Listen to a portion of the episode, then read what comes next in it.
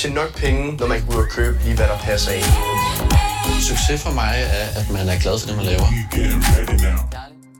Sådan lyder noget af introen til DR-programmet De Dyre Drenge, og det er sammen med søsterprogrammet De Dyre Piger i denne uge kommet under kritik af blandt andet kulturminister Jakob Engelsmidt. Kritikken den går ud på, at DR viser et stereotyp billede af kønnene, da De Dyre Piger handler om kvinder, der bruger penge, og De Dyre Drenge handler om mænd, der tjener dem. Så hvad siger DR til kritikken? Det spørger vi dem om i dag. Du lytter til reporterne, og mit navn det er August Stenbrun.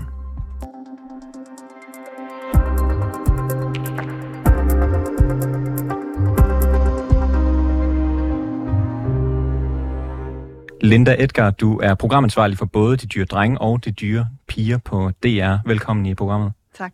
Øh, hvis man ikke har set de her to programmer endnu, så kan jeg lige læse lidt op af programbeskrivelserne først her fra den seneste sæson af De Dyre Piger.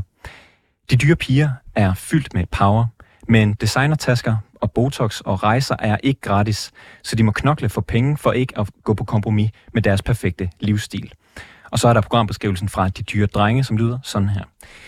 De dyre drenge går ikke på kompromis, hverken med sig selv eller deres arbejde. De drømmer om frihed og masser af penge, og det kræver, at de lægger alt i deres karriere. Og jeg vil bare gerne starte med at spørge dig, hvad, hvilket formål tjener øh, de her programmer?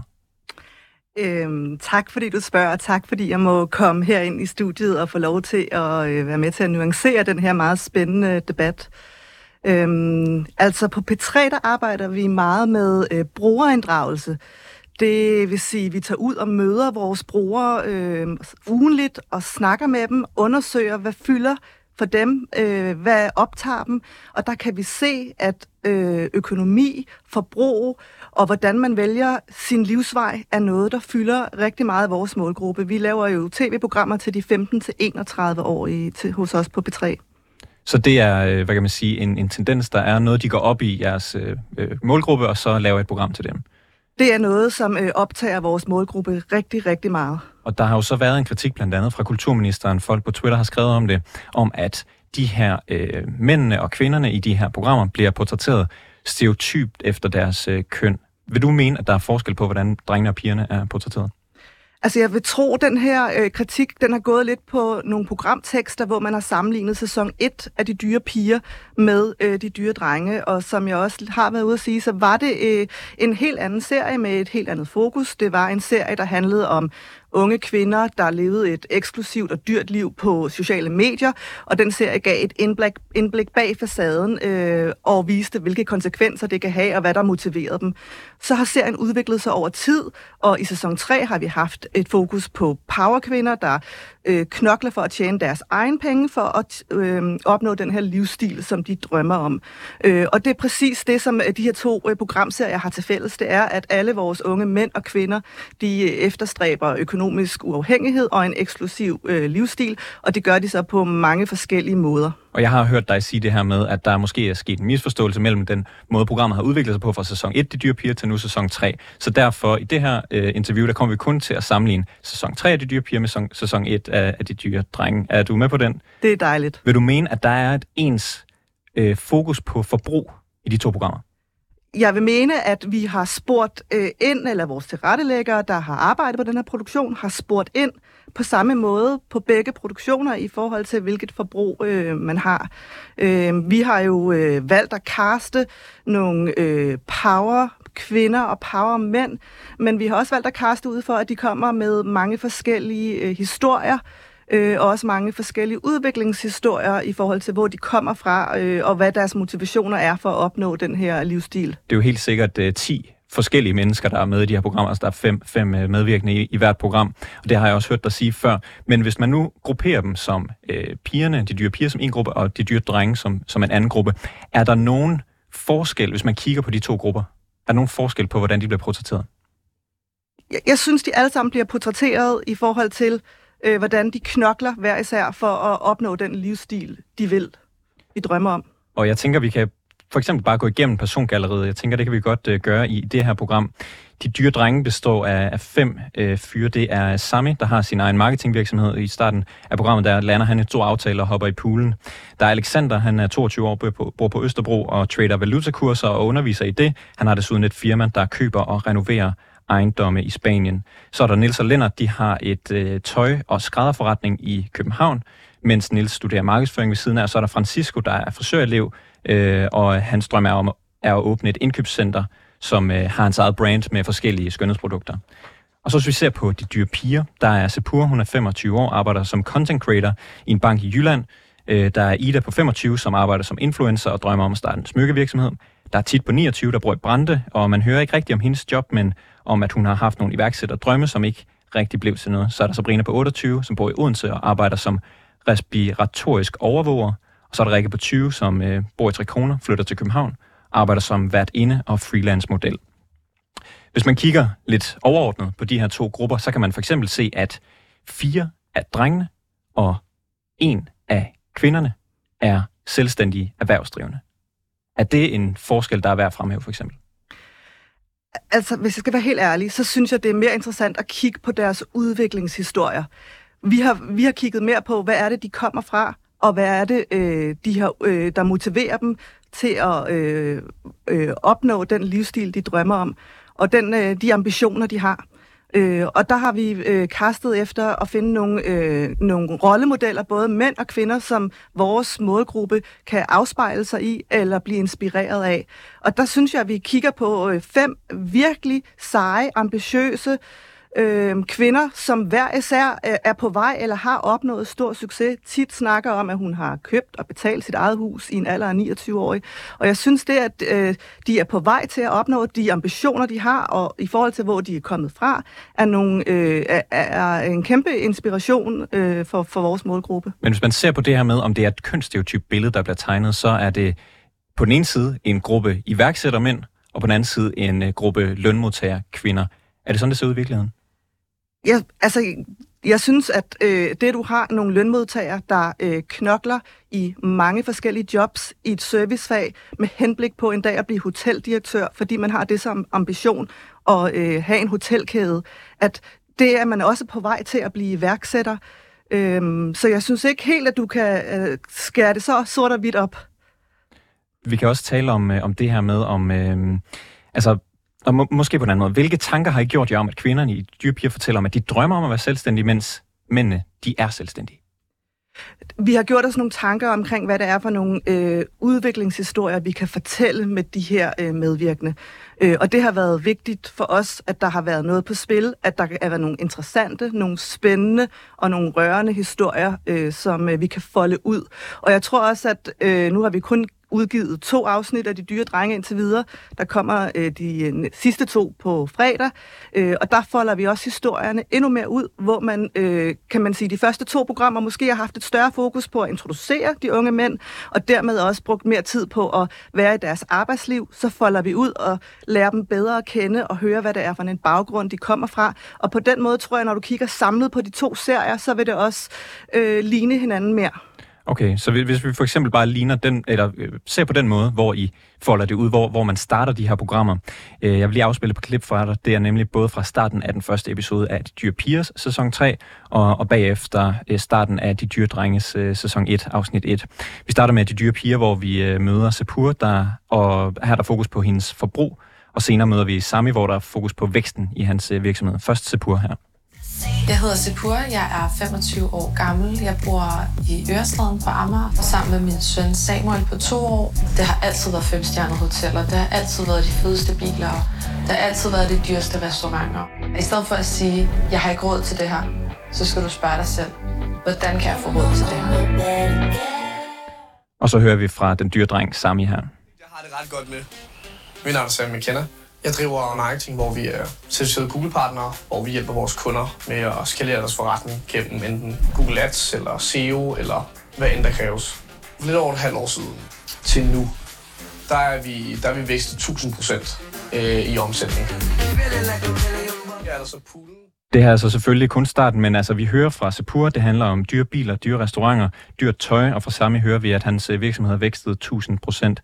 Vil du fortsat mene, at der er et lige fokus på forbrug i de her to forskellige programmer? Nu er det jo bare to øh, bitte små klip ud af, af to programserier. Øh, jeg mener, at der er så meget power i Sepurs historie, som står et sted, hvor at hun skal øh, hvor hun skal opnå økonomisk uafhængighed efter et brud med øh, barnets far. Og der er så meget power og inspiration i den historie øh, til, til en generation af unge kvinder. Øhm, og, og, og, og det er den måde, vi har kastet på, det er, at vi gerne vil spejle og inspirere vores målgruppe med seje rollemodeller, både mænd og kvinder. I det første afsnit, som vi har set igennem her, i, øh, er henholdsvis øh, de dyre piger og de dyre øh, drenge, der viser øh, fem ud af, af, af pigerne, dem alle sammen, de viser deres sko, tøj og tasker frem, Øh, eller hele garderoben for den sags skyld, og de første afsnit af De Dyre Drenge, der er der kun to af drengene, der viser sit forbrug frem. Det er Sammy, der viser en pool og et hus, han har lejet i Spanien. Francisco, der er på en øh, skønhedsklinik og forvokset øh, og øh, plukket sin, sin øjenbryn. Vil du stadig mene, at der er lige fokus på forbrug i de her to sager? Nu fremhæver du jo kun øh, igen det første afsnit. Øhm, vi øh, har jo ikke kastet øh, vores medvirkende ud fra, hvad for et forbrug de har, og vi opfinder heller ikke et forbrug, så vi, vi afspiller jo den, øh, vi afspejler den virkelighed, der findes i den her lille udsnit af den gruppe mennesker, vi vælger at følge i den her rapportageserie. Så der er forskel på, øh, af hvor meget forbruget fylder hos de dyre piger, end forbruget fylder hos de dyre drenge i programserien? Der er jo forskel på, hvordan det fylder hos vores medvirkende, og dermed øh, vil det givetvis også være forskel på, hvordan det fylder i programmet. Men det er jo, fordi vi afspejler den virkelighed. Øh, det gør man i en reportageserie, når man følger nogle medvirkende. Øh, og det vi, øh, de historier, vi er interesseret i, det er jo at følge deres bevæggrunde for øh, de økonomiske valg, de træffer. Nu har jeg ikke haft stopuret fremme i, i, i at se de her serier, og det, du siger også, det hele er ikke udkommet nu. Men tror du, hvis man, hvis man lige tog stopuret frem, tror du så, der vil være flest procent af den screentime, der er i programmerne, øh, i, i enten kvindernes eller øh, mændenes program, hvor der bliver talt om forbrug på materielle genstande? Det skal jeg jo ikke kunne sige. Men tror du ikke, det er kvinderne? Altså, jeg tror, det, det, man også skal huske på i forhold til den historie, det er jo, at mange af de her kvinder, de, øh, de har jo deres øh, iværksætteri på de sociale medier, og der er det jo også øh, en, en del af, af, af det at være på sociale medier handler om, hvordan man fremstår, og dermed også øh, måske, hvordan, øh, hvordan man øh, forbruger. Øhm, så, så man kan sige, der, det, det, det indgår måske også mere i deres øh, de, de forretninger, de nu bedriver mange af, mange af kvinderne, som du selv siger, de tjener deres egen penge, de har arbejdet hårdt for dem. Hvorfor er fortællingen så om, hvordan de tjener dem, så lille i, i jeres program? Jamen, det synes jeg heller ikke, den er. Som du selv nævner, så har vi, øh, vi har med, hvordan de tjener deres penge.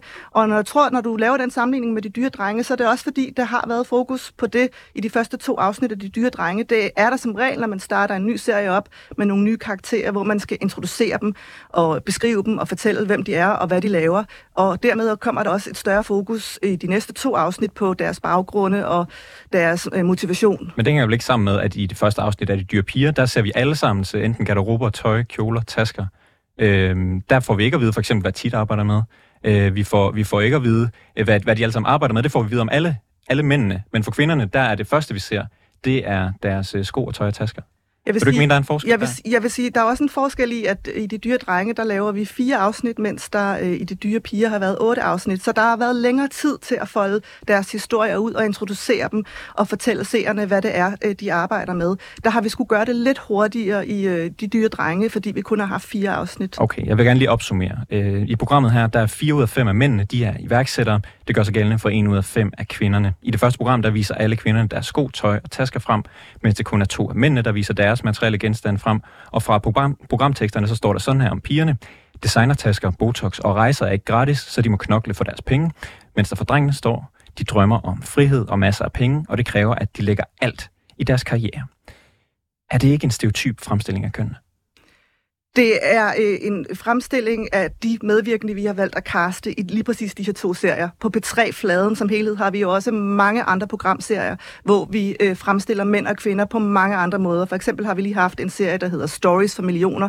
Der har vi fire øh, unge kvindelige direktører, øh, iværksættere øh, på, inden for social... Nu, nu taler vi lige om, om de her to programmer, de dyre drenge og de dyre piger, og her handler det jo om, det er, det er jo jeg selv, der har valgt at hvad kan man sige, lave den sammenligning. I kunne have kaldt det om drengene noget helt andet, øh, og så kunne, så kunne man måske have undgået den her snak, vi står her lige nu. Ja. Det jeg så gerne vil spørge dig om, det er om det, at der er den her forskel på de her to øh, grupper.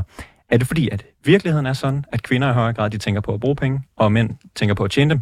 Eller er det noget i jeres casting og tilrettelæggelse, der, ikke. der er indsatt? Det her det er jo ikke en generel fremstilling af øh, unge mænd og kvinder. Det er et udpluk af virkeligheden, som vi har kastet til at være med i de her serier. Øh, og det har vi gjort på baggrund af at vælge nogle karismatiske unge rollemodeller, som øh, har også interessante og rørende baggrundshistorier og, og motivationer. Og vi har prøvet at forsøge at øh, kaste så bredt som muligt øh, inden for øh, alle de her 10 medvirkende, sådan så der er mange forskellige øh, rollemodeller for vores målgruppe at øh, spejle sig i og inspirere sig af. Så det, er, så det er derfor, at der er en forskel. Det er ikke fordi, det er sådan. I virkeligheden, det er jeres tilrettelæggelse, der gør, at der er den her forskel mellem mænd og kvinderne.